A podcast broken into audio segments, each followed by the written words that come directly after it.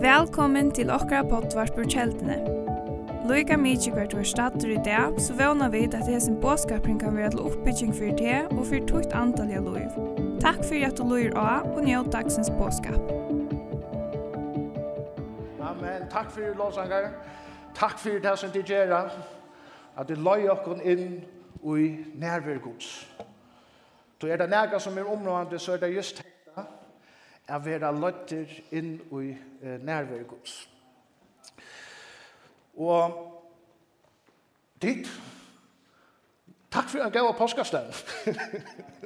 Lysen så gjerne om vær, men og en fantastisk påskastøvn er dit. Jeg sier da vi Paul at det beste påskastøvnen er vi til, så gjerne Eva man flåten i høtlen i, i skal. Altså oppleva ta nærværende som vi er her, Og det som jeg følte da jeg trakka inn her, jeg har ångat det følt av sånne øynløyga i samkom. Så da jeg trakka inn hese påskastøvna. Ångat det følt at, at det var jo folk, og det flottet dikkum som økt folk. Og takk for alt tid som jeg fyrir fyrkjøp, og sjåan det var ditt ødelvare vi, jeg at dikkum gos det tatt. Og vi måtte tega bøyla der, hvis nere unge drongen, og jeg var ikke gammel, det var tutsja, støvsiga i atna ungdomsmøtt. Okkur stod det vel, okkur hadde det gjørs rett. Og det viser bare hvordan framsøkjen til er som samkommer. Det viser bare hvordan, tilvidet til er om at bytja eh, Guds rydtje. Tog er bytja Guds rydtje just at man setter til. Ofta man glemmer vi det, at setter til. At det er atterlig som skal røysa seg, men her er det til fire myndag. Og det er firmynd for alle føringar, hvordan dette skal uh, gjøres. Så Paul Bikve og Tid, og ødel samkomman, takk for det. Jo, kom til ikke at dere sjål meg klapp.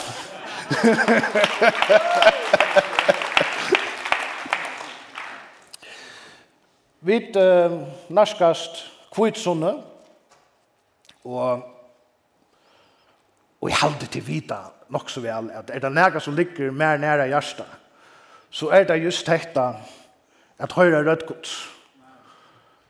Og tog jeg til så områdende i akkurat liv, at det er høyre rødt gods.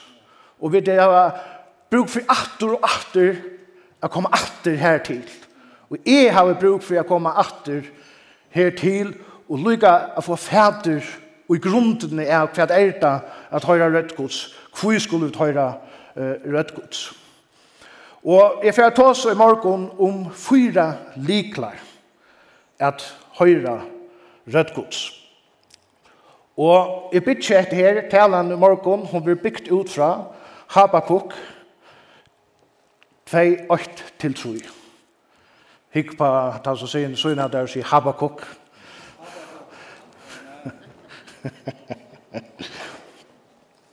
Og vi leser så løs Jesu navnet. Nian av vera mun skal det færa, og standa av vaktarsteg i mun. Jeg skal hitja ut og få av vita, for at han fer at tala ui mer. Lekk meg slag det, ui mer. For jeg svær i fai oppa klæv og munna. Og Herren gav meg hes i år til svær, skriva opp sjønna, skriva henne skilja at halvnar, så hon er gau at lesa. Og vi stekker her, til vi fer ikke inn av ta nasta verset, uh, som er vers uh, 3, eller skulle vi tagge det? Da jeg skriver det nye, så må jeg lese det. Jeg tror ikke jeg skriver det nye.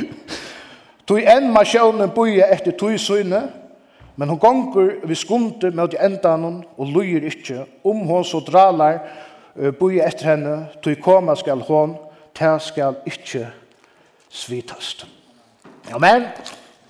Så Bøyde het her, nå fyrir at bøyde det her oppe i fyra, faktisk ta fymte som er løyga til som ta i alt gonger opp er til som vi sutja i vers 3.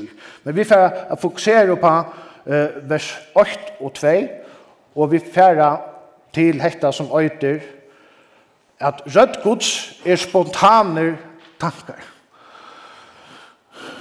Vi kommer fram og vi tunner innare menneska. Rødt gods Hon talar allt. Og oftane så, så vita vi ikke ordentlig om det er rødkots som tåsar. Vi vet ikke ordentlig om det er det som vi suttja at det kommer fra god. Og tog er det løsens områdende at vi får en luktla grunn ui, ui hesen. Uh, Tid har jeg sikkert hørst om teis bæg griske årene, som øyda Logos og Rema. Og i skriftene så er Logos som oftast omsett til år. Og til å si Tuttninger nå uti, det er det som vi ofte kallar ta skriva i år. Og ta skriva i år, til er hekta. Det Bibelen sjolv. Og da det kommer til det skriva i år, så er skriva i år eh, nega som er helt, og som nega som er sett i en kontekst. Og ut fra at du skriver i årene, så lever vi herfra. Altså, det er okkara rattar linja som hjelper okkara å styra rett.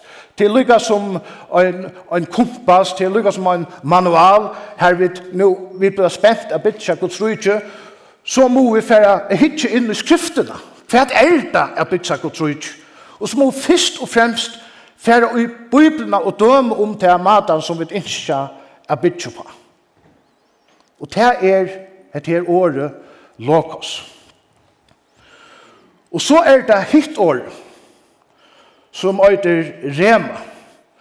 Og som det suttja, så, så ver rema og lokos ses i årene, det er ofte tukt av samanholdt.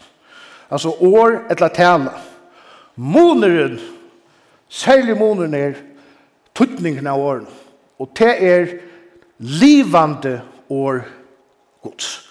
Til det livande året, til det som avhaltande talar, til det som avhaltande teskar i okkar inne og innara og ta vid nu tåse her til året som er tåse så skal helst fua nekka inn i utikken, det er rem. til det livande året Ta i apostlaner byrja i tåse og tala i årgods. Ta er da, ta, vi tar at tala i årgods, så tåsa tar ta livande år. Men byggt og av skriftene.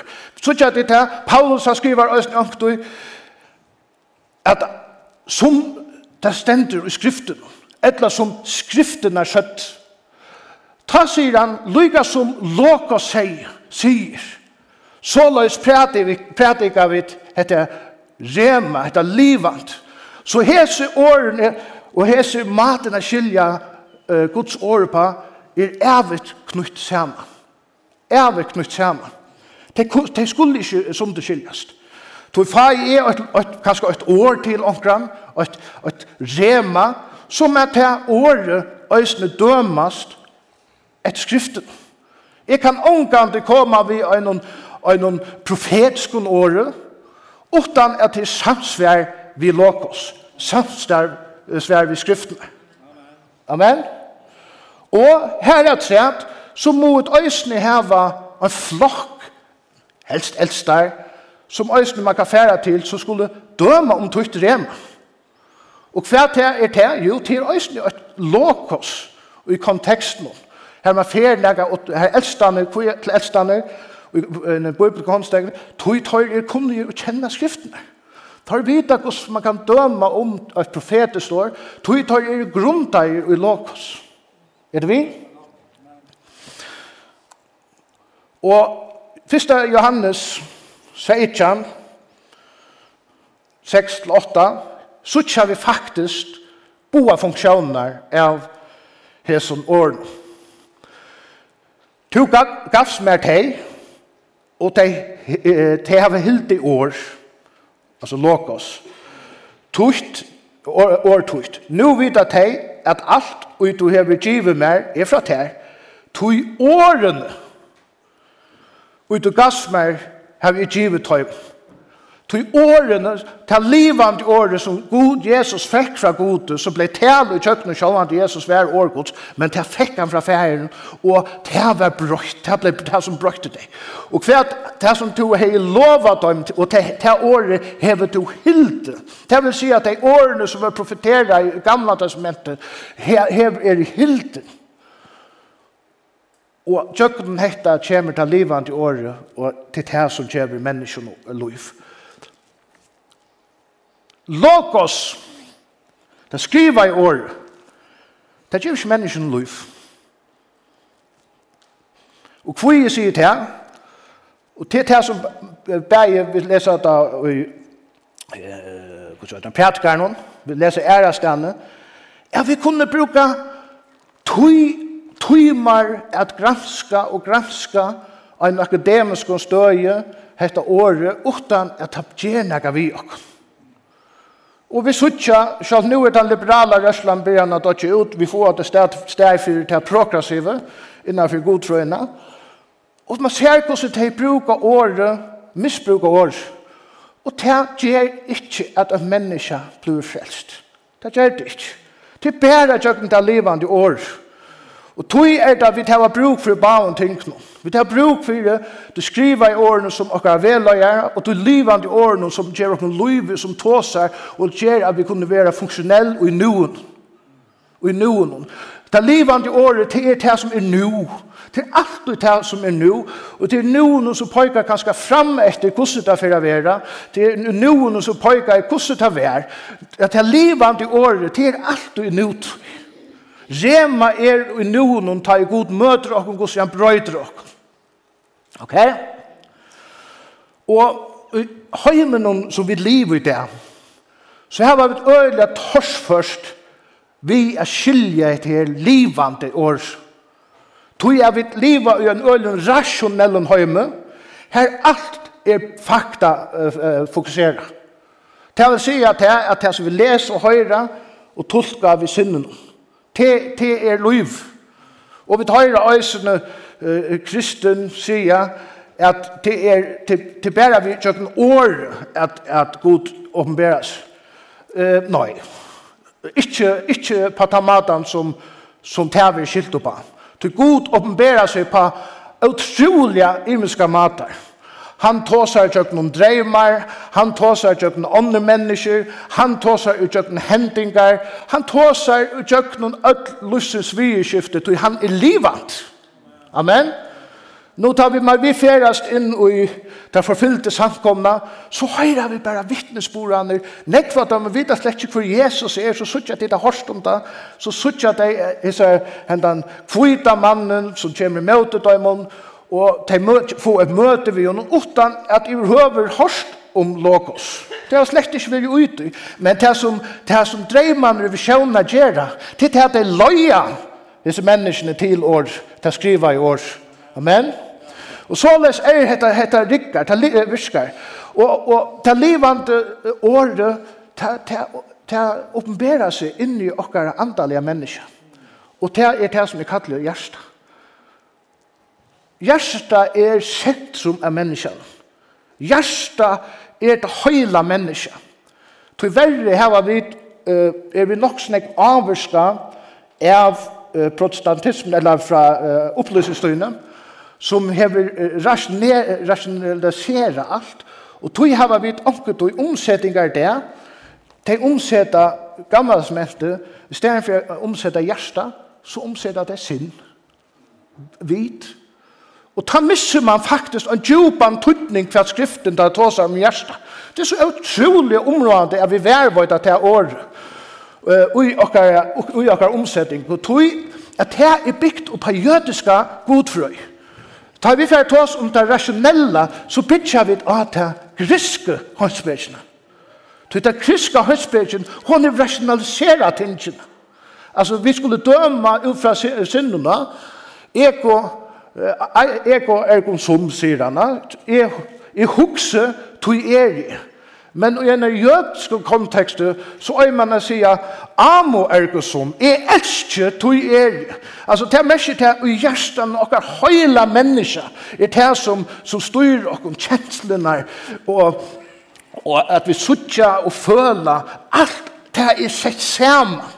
Og det her, heter her, rema arbeid, låtas arbeid, nekk her oppe, Men rema er det som fer inn i dybden av oss. Det her vi oppleva god, det her vi høyra god, og enda vi suttja vi egen hjertans, sier Paulus.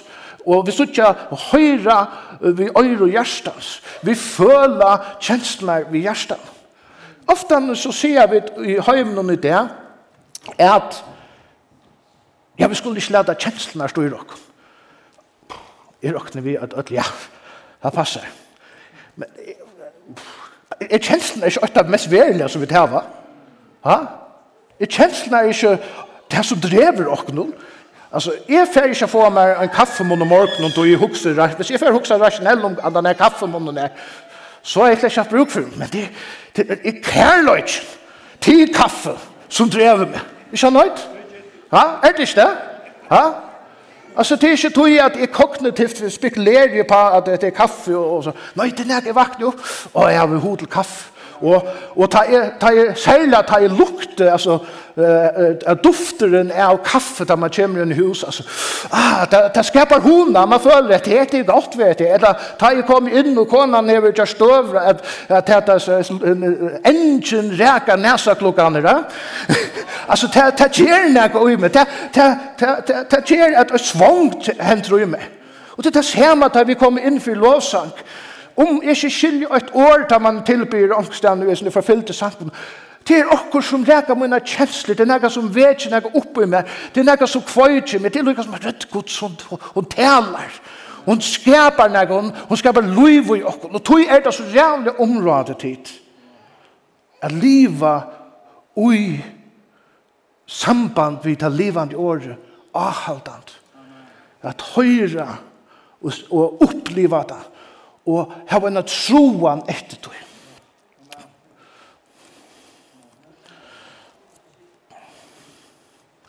Jeg vet ikke hva jeg tror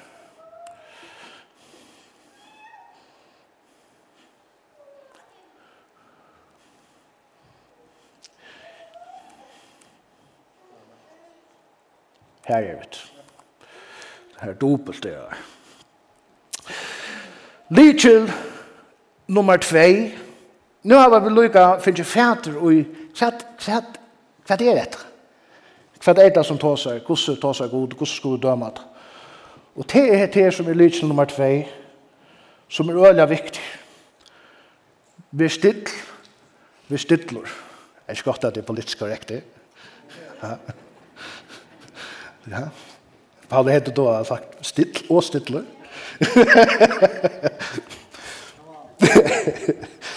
og legg best til hva Tabakok sier, jeg fer jo nyan av vera mun. Han fer nyan av vera sin.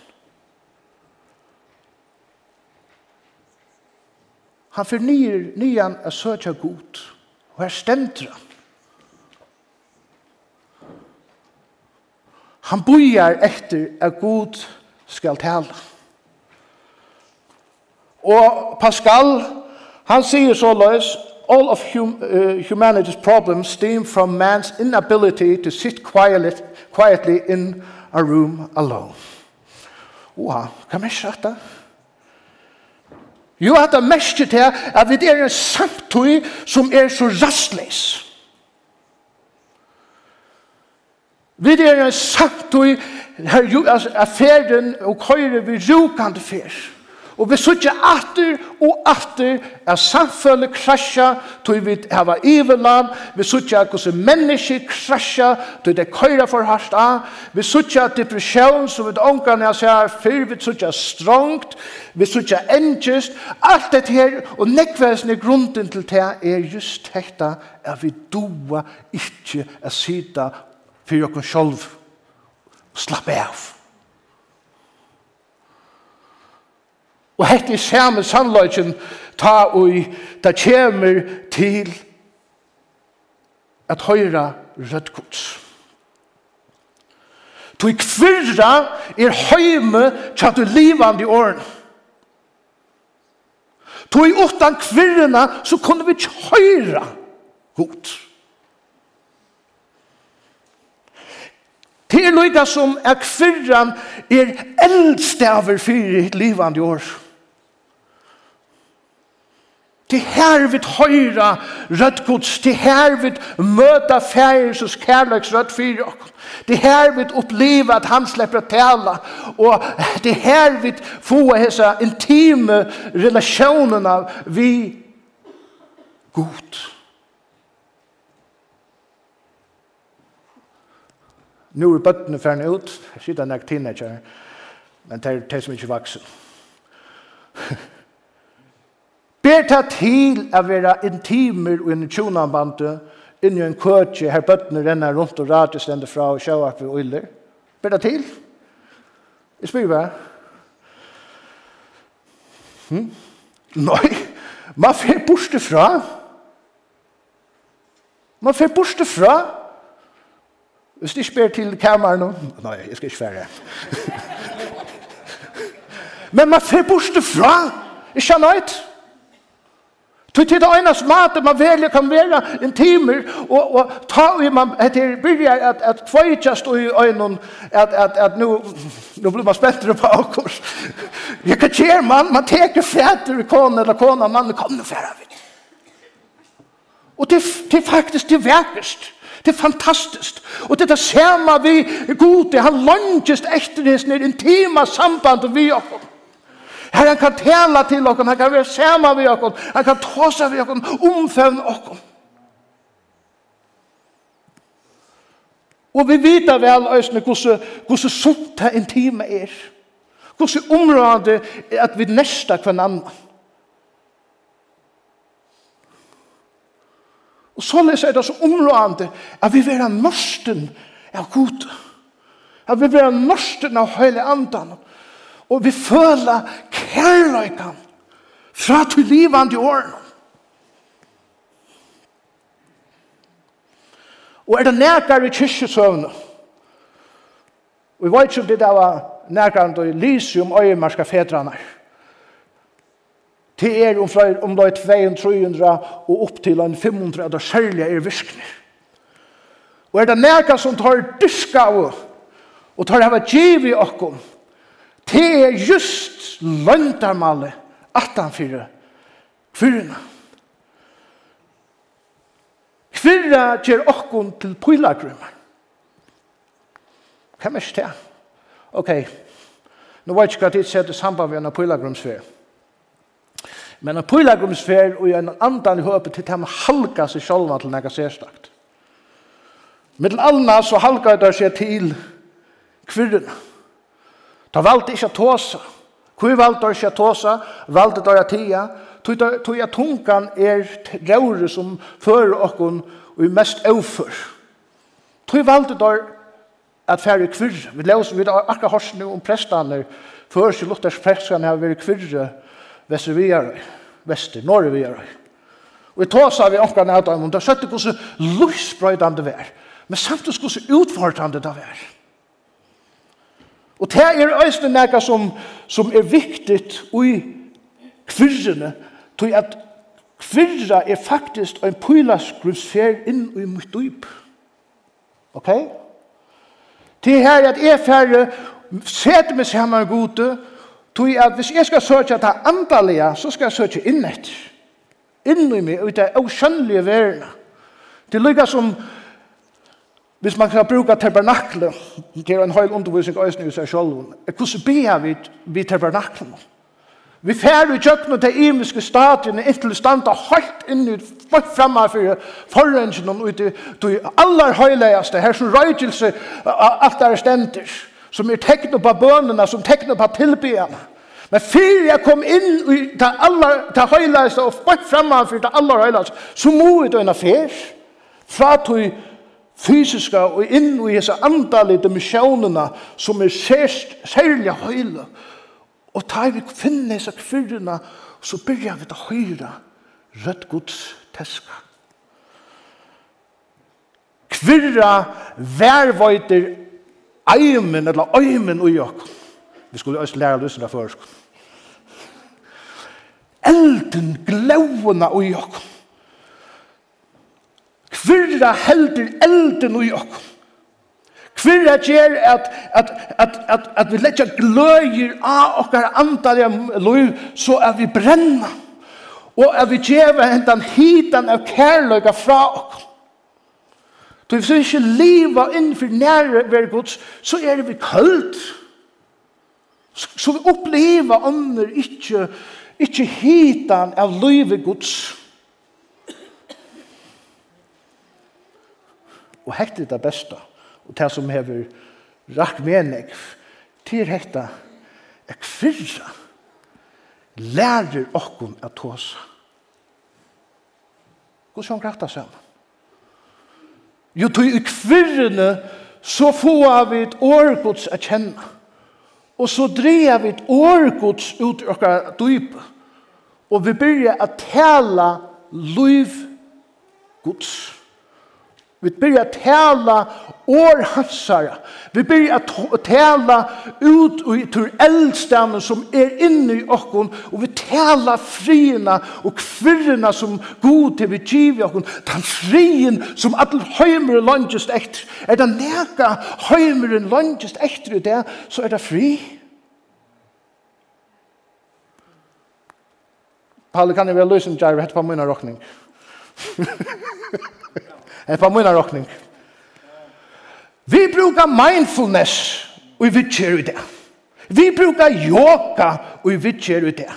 Vi brukar nekv estelengs til å finne kvirre, til å finne fri. Kvui? Kvui tar vi et øye enda ned arven som vi tås jo om?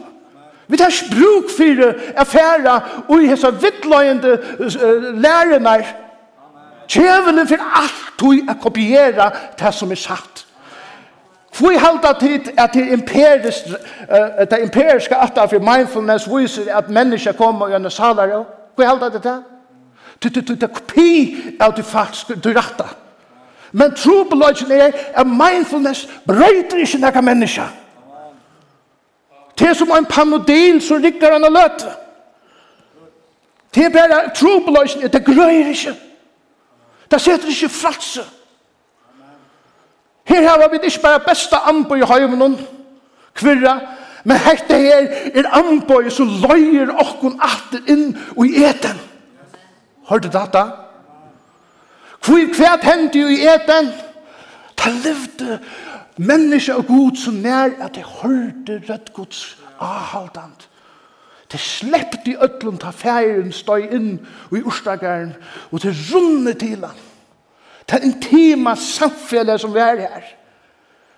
Men økten som kom at han fattelig kjørte av menneska rymte ur hans här nerven. Og til är som vi upplever atter og atter. Atter och atter just det er vi flutja og renna undan nerven. Vi må komme heim tids. Vi må komme heim og til kjæra vi bæra. Ta i vi stuja inn i hjertans stuipa. Du til her god talar. Her talar luiv, grøying, fri. Det her vi finna hølsebøy.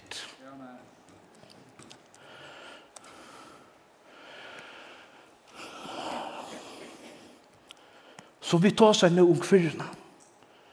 Ja, vi er stittler. Vi er stittler. Så er det neste at vi må lære til er at hitja og til at lusta. Kvirran og hekta Ætlis at liklande tar sjålande i knuste saman.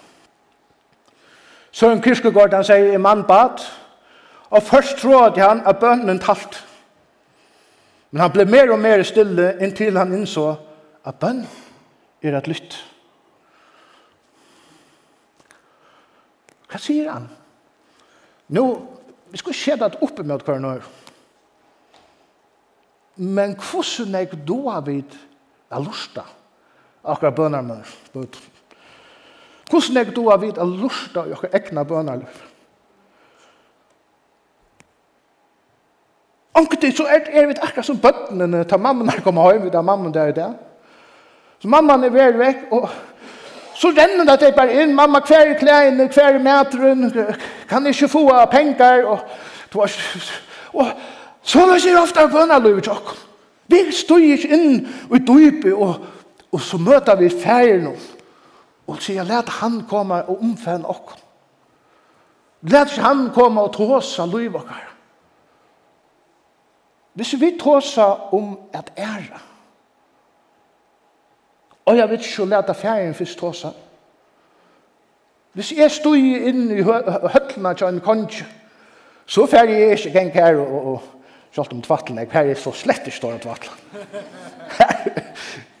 jeg ble, man ble jo til, til tikkenen at det Hver er tikkenen i bønene til oss?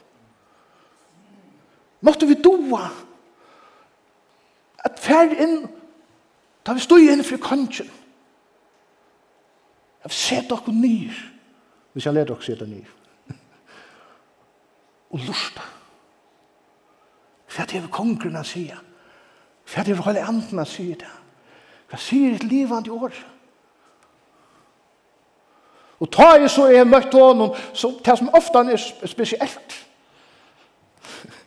Til ta, jeg far i bønnesverden, han hever det langt her. Han, Han heldt dem ned.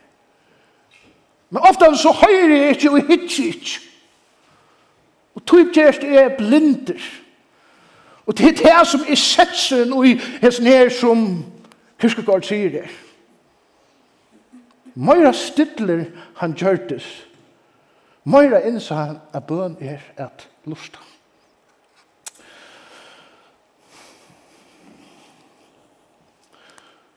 Hva er han? Han større. Han er, han er her.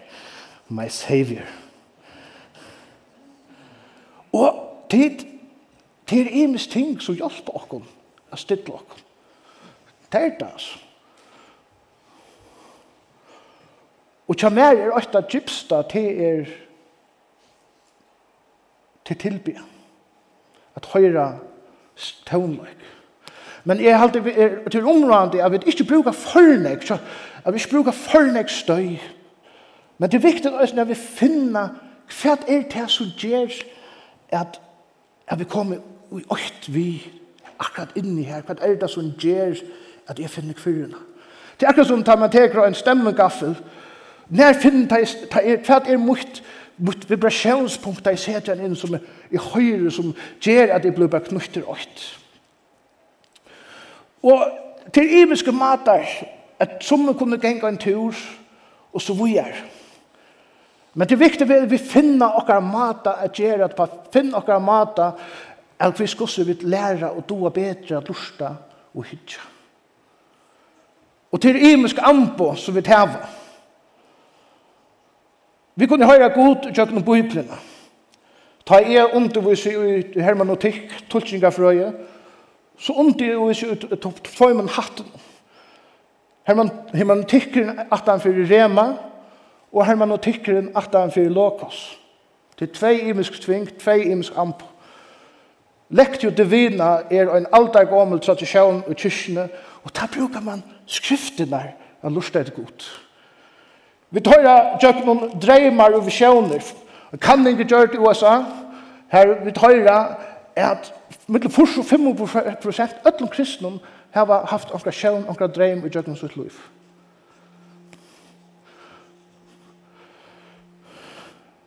Vi tar jo god vi som er fornuft.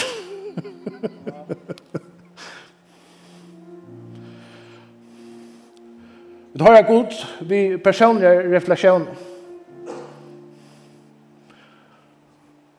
Vi tar jo god i djøgnum gjerr. Ja, hikker nu. Han styrer, han setter han spelar. Føler det da? Hva halder det alltid? Hva halder det han djever okkur nu? Det er jo en dype at han spelar nu.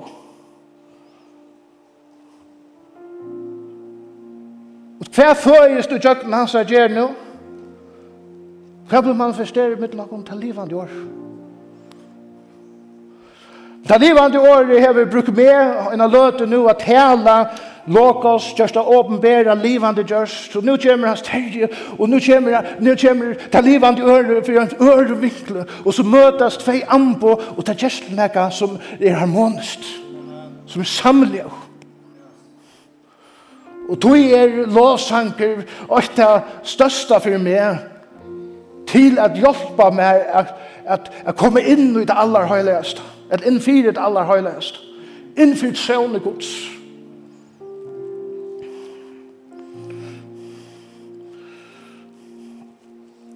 Daniel var en særstak med at det kom til hans tingene dit. Daniel brukte nekva tog her Han fjør inn i kamer til seg. Og han leier seg nå, hva han har hukt igjen. Det stemte. Han vendte i ene. Han vendte i hjertet til sutt. Nå til Jerusalem. Hvor kjørte han til? Jo, tog til her var vevnen til hon. Det var her hans folk kom fra. Det var til dreimene som han er mist, til lyftene og alt det som god til lov. han vente egne det tog. Han vendte så gjørsta med det tog. Vi leser 16 ferner om hvordan han vendte.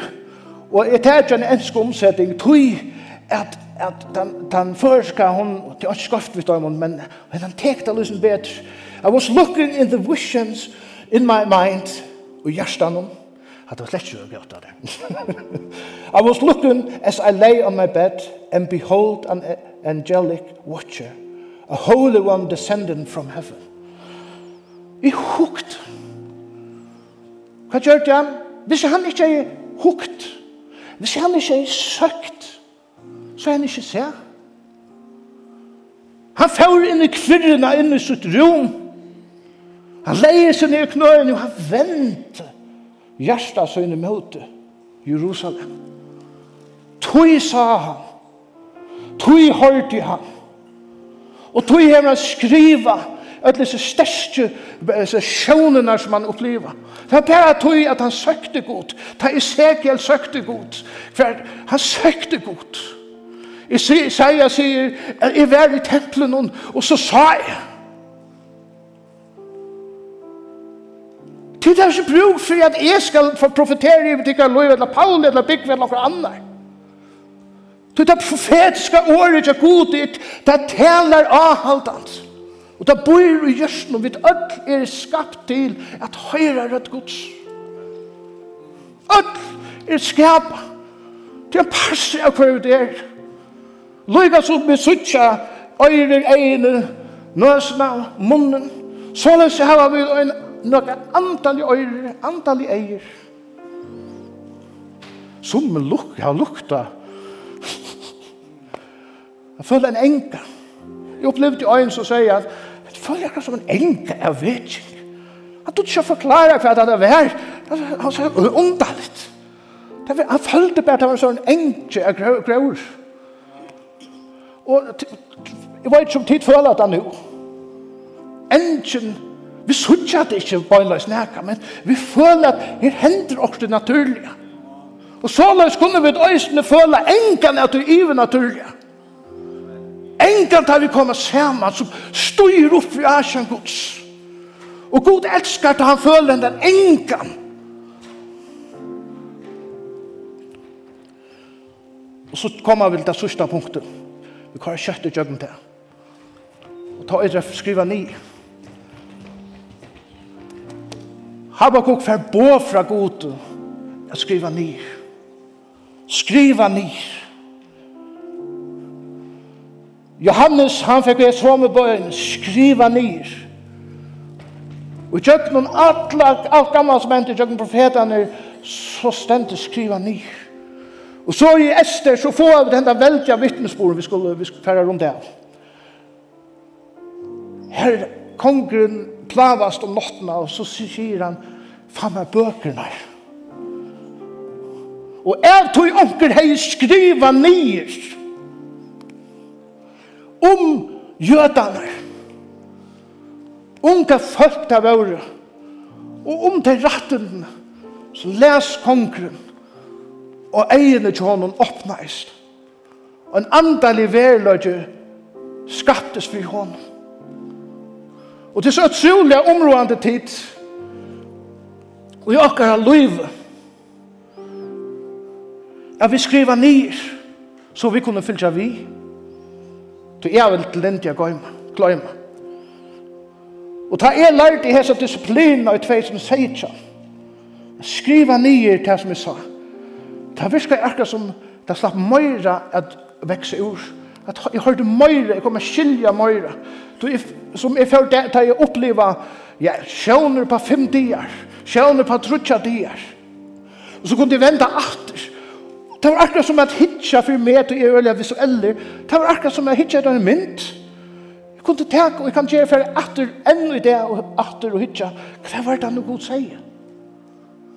Vi kan fære atter til vegingen, vi kan se man og suttja, og at jeg har så ble frelst, så som jeg frelst, at, at heva disse, disse minnene, jeg vil heva disse her bønene, dagdøgjene, som minner okken av hvordan god det vil tala, tog det bytjer okken opp, det lytter okken opp. Og så er det øyne, andre ting, og ja, ja, du struttes der, god vi skal lengt fra, men nu, Jeg tjøkken noen nøkker er, utan jeg har hoksa så ræren jeg om den, og jeg kom for å bo i alt. Og så suttja vi spønarsværen til god. Vi reflekterer. Men at du tog vi liva i hese atterlin, så skunda seg som meg. Så megna vi det ikke så vel. Så let okkon teke hese liklaner vi okkon høymtid. Og kjer bruk av dem. Pjørs jeg byrja så ekkeslige. Sett deg fyr. Byrja øyna fra vikna. Sett jeg tjo mot, ikke er avtale vi kongen. Det er fantastisk at vi kunne gjøre avtale vi kongen. Jeg kan si at man at jeg er god feir, så kom jeg vidtja. Vi kommer vidtja til. Og hva er mest spetter? Feir. Feir. Han setter og har et bor til røy her. Og vil jeg vi se dere ny. Han kan ta seg vi med, og at jeg kan ta seg vi han. Hoksa at så kjente fjæren ofte han er. Han sitter her og bojar etter dere. Han lever alltid dere. Men så glemmer vi det han. Vi får heldre inn i samkomna. Vi får heldre arbeidsplasser. Vi får alle mulige ærestem. Og ikke skøft vi er sånn nå. Hvis vi lever og bygger ferien rekkelig. Måtte vi være folk som hinder det er å tale. Vi ferien. Og jeg vet det selv, jeg sviger ofte han er sånn rødgjør meg selv tog man er så opptid. Man måtte holde anden enda ut igjen her i morgen, og i. Måtte vi være folk som gjør en avtale vi feir. Måtte vi være folk som søkte seg under gods. Måtte vi være folk som levde i tvirre. Så eldre gods kan festas til okra liv. Måtte vi være folk som levde i fyrir, så vi kom til tala i årgods som er ombrøytant. Jeg vet ikke om det der var veldig rom, rommet sammen i folk. Men det var mest til at hvert år som du tåsar kommer fra en dype. Vi har haft fortsatt gestatalare her, tid, vid. Det var ikke alt så reale revolusjonerende. Det var så øyfalt Men kraften som tog seg, hvordan det kom ur dem, forteller meg at her som mennene halda seg med avtale. Fjær. La dere bare lykke røyse dere. Hvis vi kunne finne låsangeren her oppe, så tar akkurat hendet sannsyn. Her vi velta okkar gjørste, nå er møte gode sammen. Her vi gjør lyft av nødgjøn. Jeg vil bli bare det tid. Og kanskje onker er møyre dreie, dreie at heser hesen åren enn onker anna. Kanskje onker liv langer ui jesne, amen. Men vi vet at det er nekka sunt at halvgokna nutsk. Det er sunt at sier god Jeg venter vi. Fyre kjemmer. At det er avtalene som, som jeg har brått. Men takk for jeg at du hever enda tredje lese kærlagan til min. At jeg er menneske på, så er du til røyer. Det er fantastisk. Og søvn om tann blir bare spærkelig synger. Sønnen der borste vil ta sønnen. Hvem det er tid? Hvem det er? Så bor jeg i fjær. Bor jeg etter sønnen skulle komme hjem. Og så la oss bor jeg i fjæren øysen. Her i morgen. Kom hjem. Kom heim og liv ut fra munnen heim. Kom heim og hver morgen du støyer, ikke støyer ut i dagligdagen utenfor heim, men støy ut i dagligdagen, ut i dagligdagen fra munnen heim, okkar heim. Måtte okkar heim, okkar fysiske heim, okkar bøtten, okkar familjen, være bo inni og og inni til færen.